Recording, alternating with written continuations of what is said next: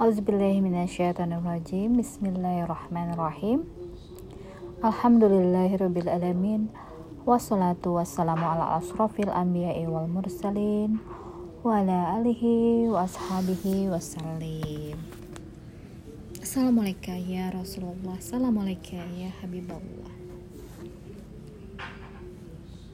Sahabat podcast Sahabat pagi Di tanggal 2 Syaban 1442 Hijriah Tibalah kita di bulan yang di mana di bulan ini diturunkan ya surah Al-Ahzab 56 yang mengisyaratkan perintah untuk bersolawat kepada Nabi Muhammad SAW. Allahumma salli ala Sayyidina wa maulana Muhammadin sallallahu alaihi wasallam. dalam rangka sukacita di bulan Syaban ini aku mau me mengeksplor tentang beberapa hal yang penting untuk aku eksplor tentang bagaimana cara kita bersyukur. Ala Nabi Muhammad SAW bagaimana kita cara bersabar. Ala Nabi Muhammad Wasallam dan bagaimana kita mengikhlaskan segala amalan ibadah kita. Semua kita tujukan semata-mata karena Allah. Nah untuk yang pertama adalah bentuk syukur. Bentuk syukur yang Nabi Muhammad SAW lakukan di antaranya adalah Nabi Muhammad beristighfar dalam satu hari ataupun di, pernah dengar juga dalam satu kali duduk di majelis di majelis itu sebanyak 70 kali. Dan juga yang meriwayatkan sebanyak 100 kali. Hmm, silahkan dicek di masing-masing hadis yang dimiliki masing-masing. Apakah dalam satu hari ataukah dalam satu kali duduk dalam suatu majelis. Perlu kita ketahui Nabi Muhammad SAW itu adalah yang sudah pasti maksum. Dosanya yang lampau maupun yang akan datang sudah dimaafkan oleh Allah Subhanahu wa taala. Terus kenapa perlu istighfar lagi? Coba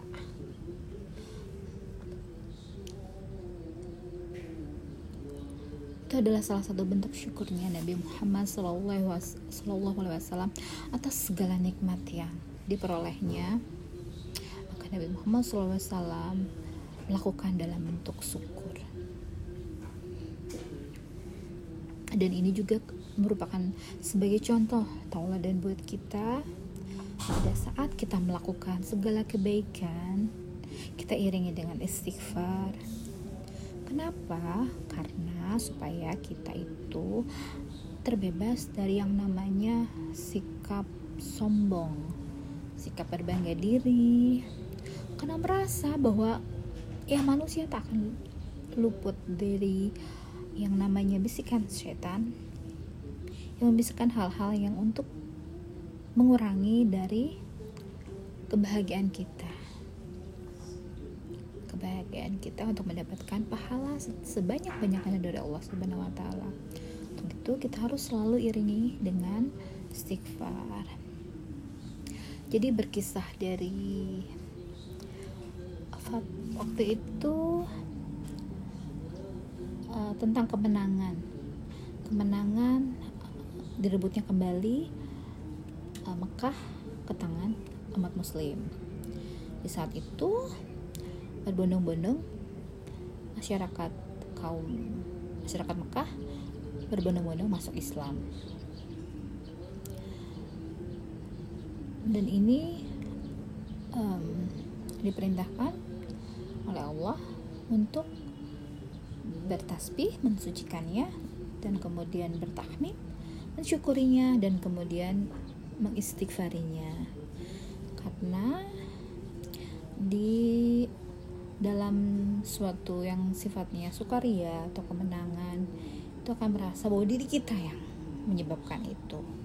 Jadi kita untuk membersihkan dari segala macam hal-hal yang dapat mengurangi atau menjadikan dosa terhadap kita malah bukan dapat pahala tapi dosa makanya kita iringi dengan istighfar.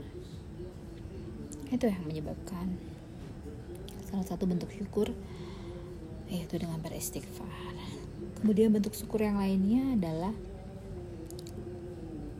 bentuk syukur yang lainnya di antaranya adalah Nabi Muhammad SAW itu selalu melakukan sholat malam itu sampai kakinya tuh bengkak-bengkak.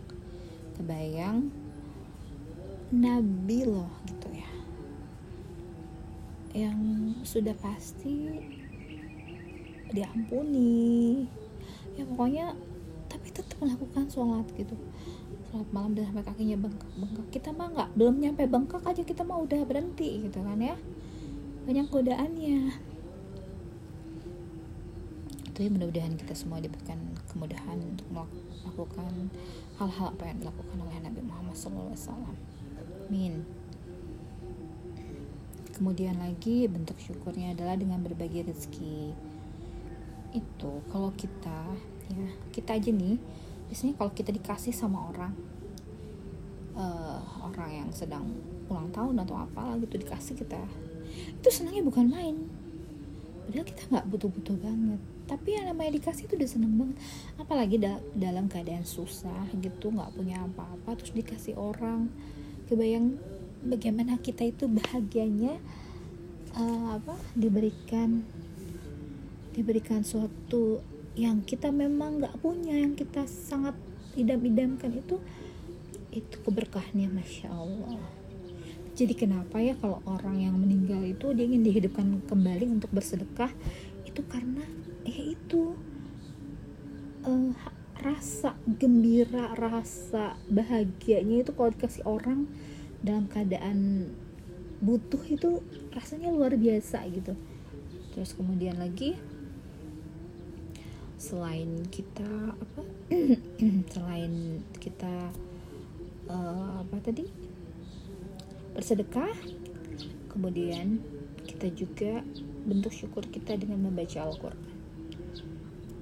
Sebagai rasa syukur kita telah diberikan satu mukjizat sebuah kitab yang nyata yang sebagai petunjuk sebagai sarana kita untuk berkomunikasi dengan Allah karena ini adalah kalam-kalamnya Allah perkataan-perkataannya Allah. Bagaimana kita bisa mengenal Allah sifatnya perbuatannya namanya itu melalui Al-Quran. Kisah-kisah para nabi kemudian bagaimana menggapai keriduan bagaimana kita berbuat baik dengan orang bagaimana kita menghindari penyakit hati semuanya terkandung dalam Al-Quran.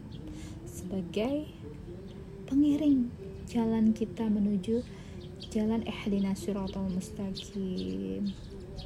Terus kemudian rasa syukur kita dengan diberikannya diturunkannya Nabi Muhammad Wasallam dengan memperbanyak sholawat ya. Di bulan ini juga termasuk bulan Syaban bulannya bersolawat kemudian lagi diberikannya iman ya iman kebayang iman adalah sebuah anugerah yang tiada tara, tiada terkira. Dan merupakan pemberian Allah yang baru perlu banget dijaga.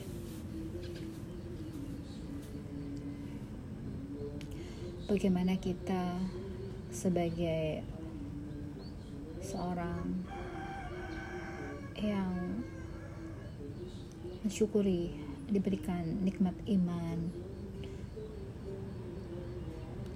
nikmat Islam, nikmat Ihsan. Sebagai satu-satunya petunjuk jalan bagi orang-orang yang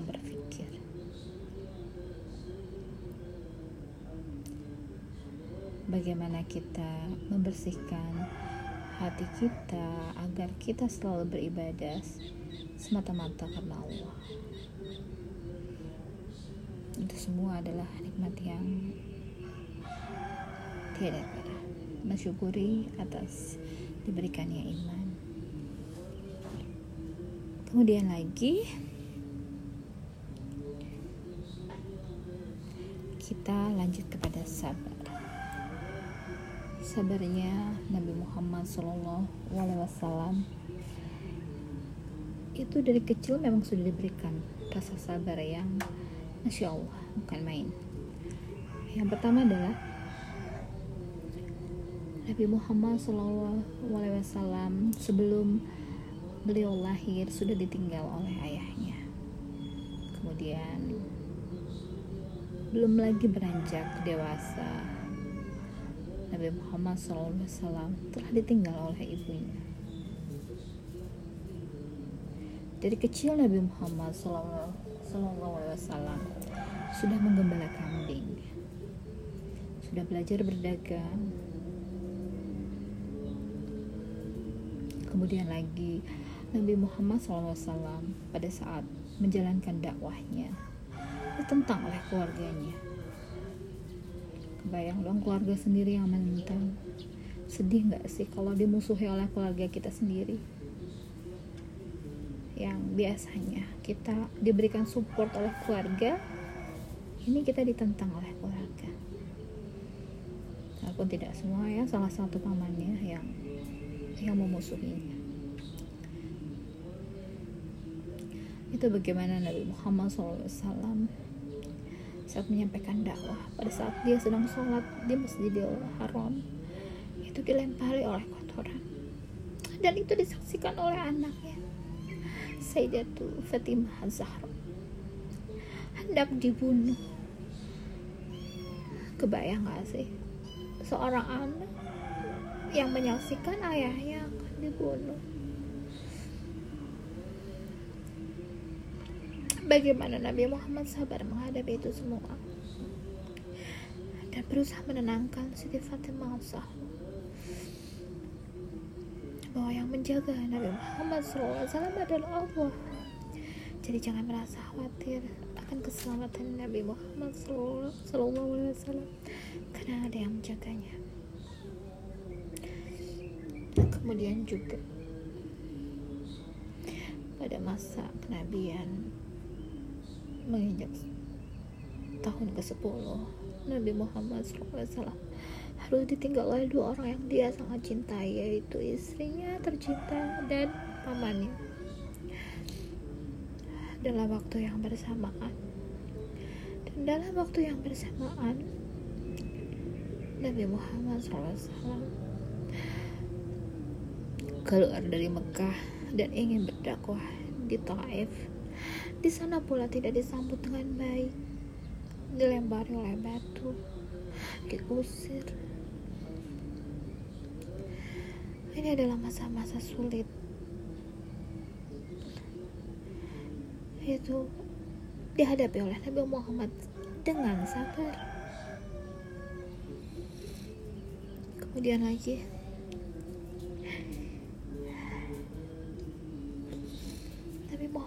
SAW juga. Menemui kesedihan saat anaknya tercinta meninggal dunia.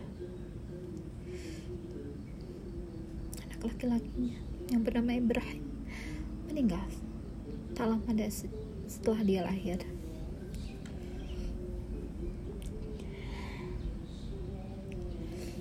Dan kemudian lagi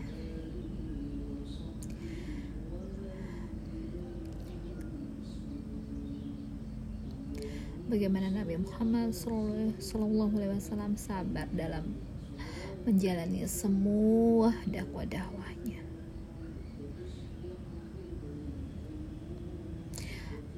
Sabar dalam menunggu wahyu-wahyunya Allah turun. Pernah suatu ketika saat lama sekali Nabi Muhammad tidak mendapatkan wahyu dan di, diolok-olok oleh penduduk kota Mekah. Itu menandai turunnya surah ad-duha saat itu. Bukan hal yang mudah bagi Nabi Muhammad SAW untuk menjalani dakwahnya.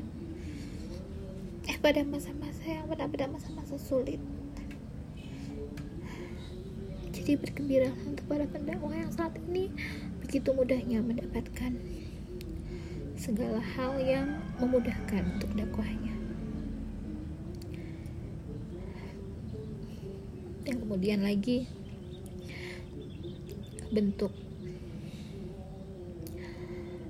selain sabar yang ketiga adalah ikhlas. Ikhlas di sini adalah bagaimana kita beribadah semata-mata hanya karena Allah. Semata-mata karena ikhlas lillahi ta'ala. Bagaimana kita menjadikan Allah sebagai satu-satunya zat yang kita sembah? Memurnikan keesaan keesaan kepada Allah. Bahwa segala sesuatu itu dapat terjadi atas izinnya. Kemampuan kita untuk mencari ilmu untuk mendapatkan keinginan untuk berkehendak dan mendapatkan kuasa itu semua adalah atas izin Allah. Terkandung pada iya kena wa iya kena kemudian pada ayatul kursi pada surah Al-Ikhlas. Allahus Samad. Qul huwallahu ahad. Allahus Samad.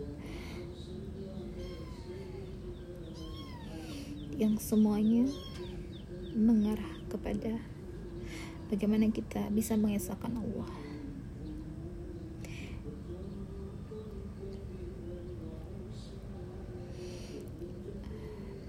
Bahwa semua tentang apa yang menjadikan kita bisa itu karena Allah.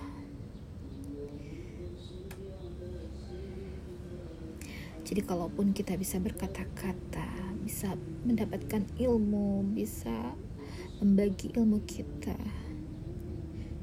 itu semua adalah kekuatannya Allah bagi orang-orang beriman yang selalu mengingat Allah dalam keadaan berdiri, duduk, setengah berbaring, berbaring. Dan untuk mengiringi segala amalan yang kita tujukan hanya untuk Allah iringilah dengan istighfar dengan beristighfar memohon ampun kepada Allah agar memurnikan segala amalan. Baik kita agar, agar tetap terjaga dari hal-hal yang dapat menjangkitinya yaitu berupa penyakit hati. Meminta perlindungan kepada Allah meminta ampunan kepada Allah agar kita tetap terlindungi dari dosa-dosa yang akan merugikan kita. Mungkin itu saja. Allah walam bisawab. Subhana rabbika rabbi izzati amma yasifun wassalamun alal mursalin walhamdulillahi rabbil alamin. Assalamualaikum warahmatullahi wabarakatuh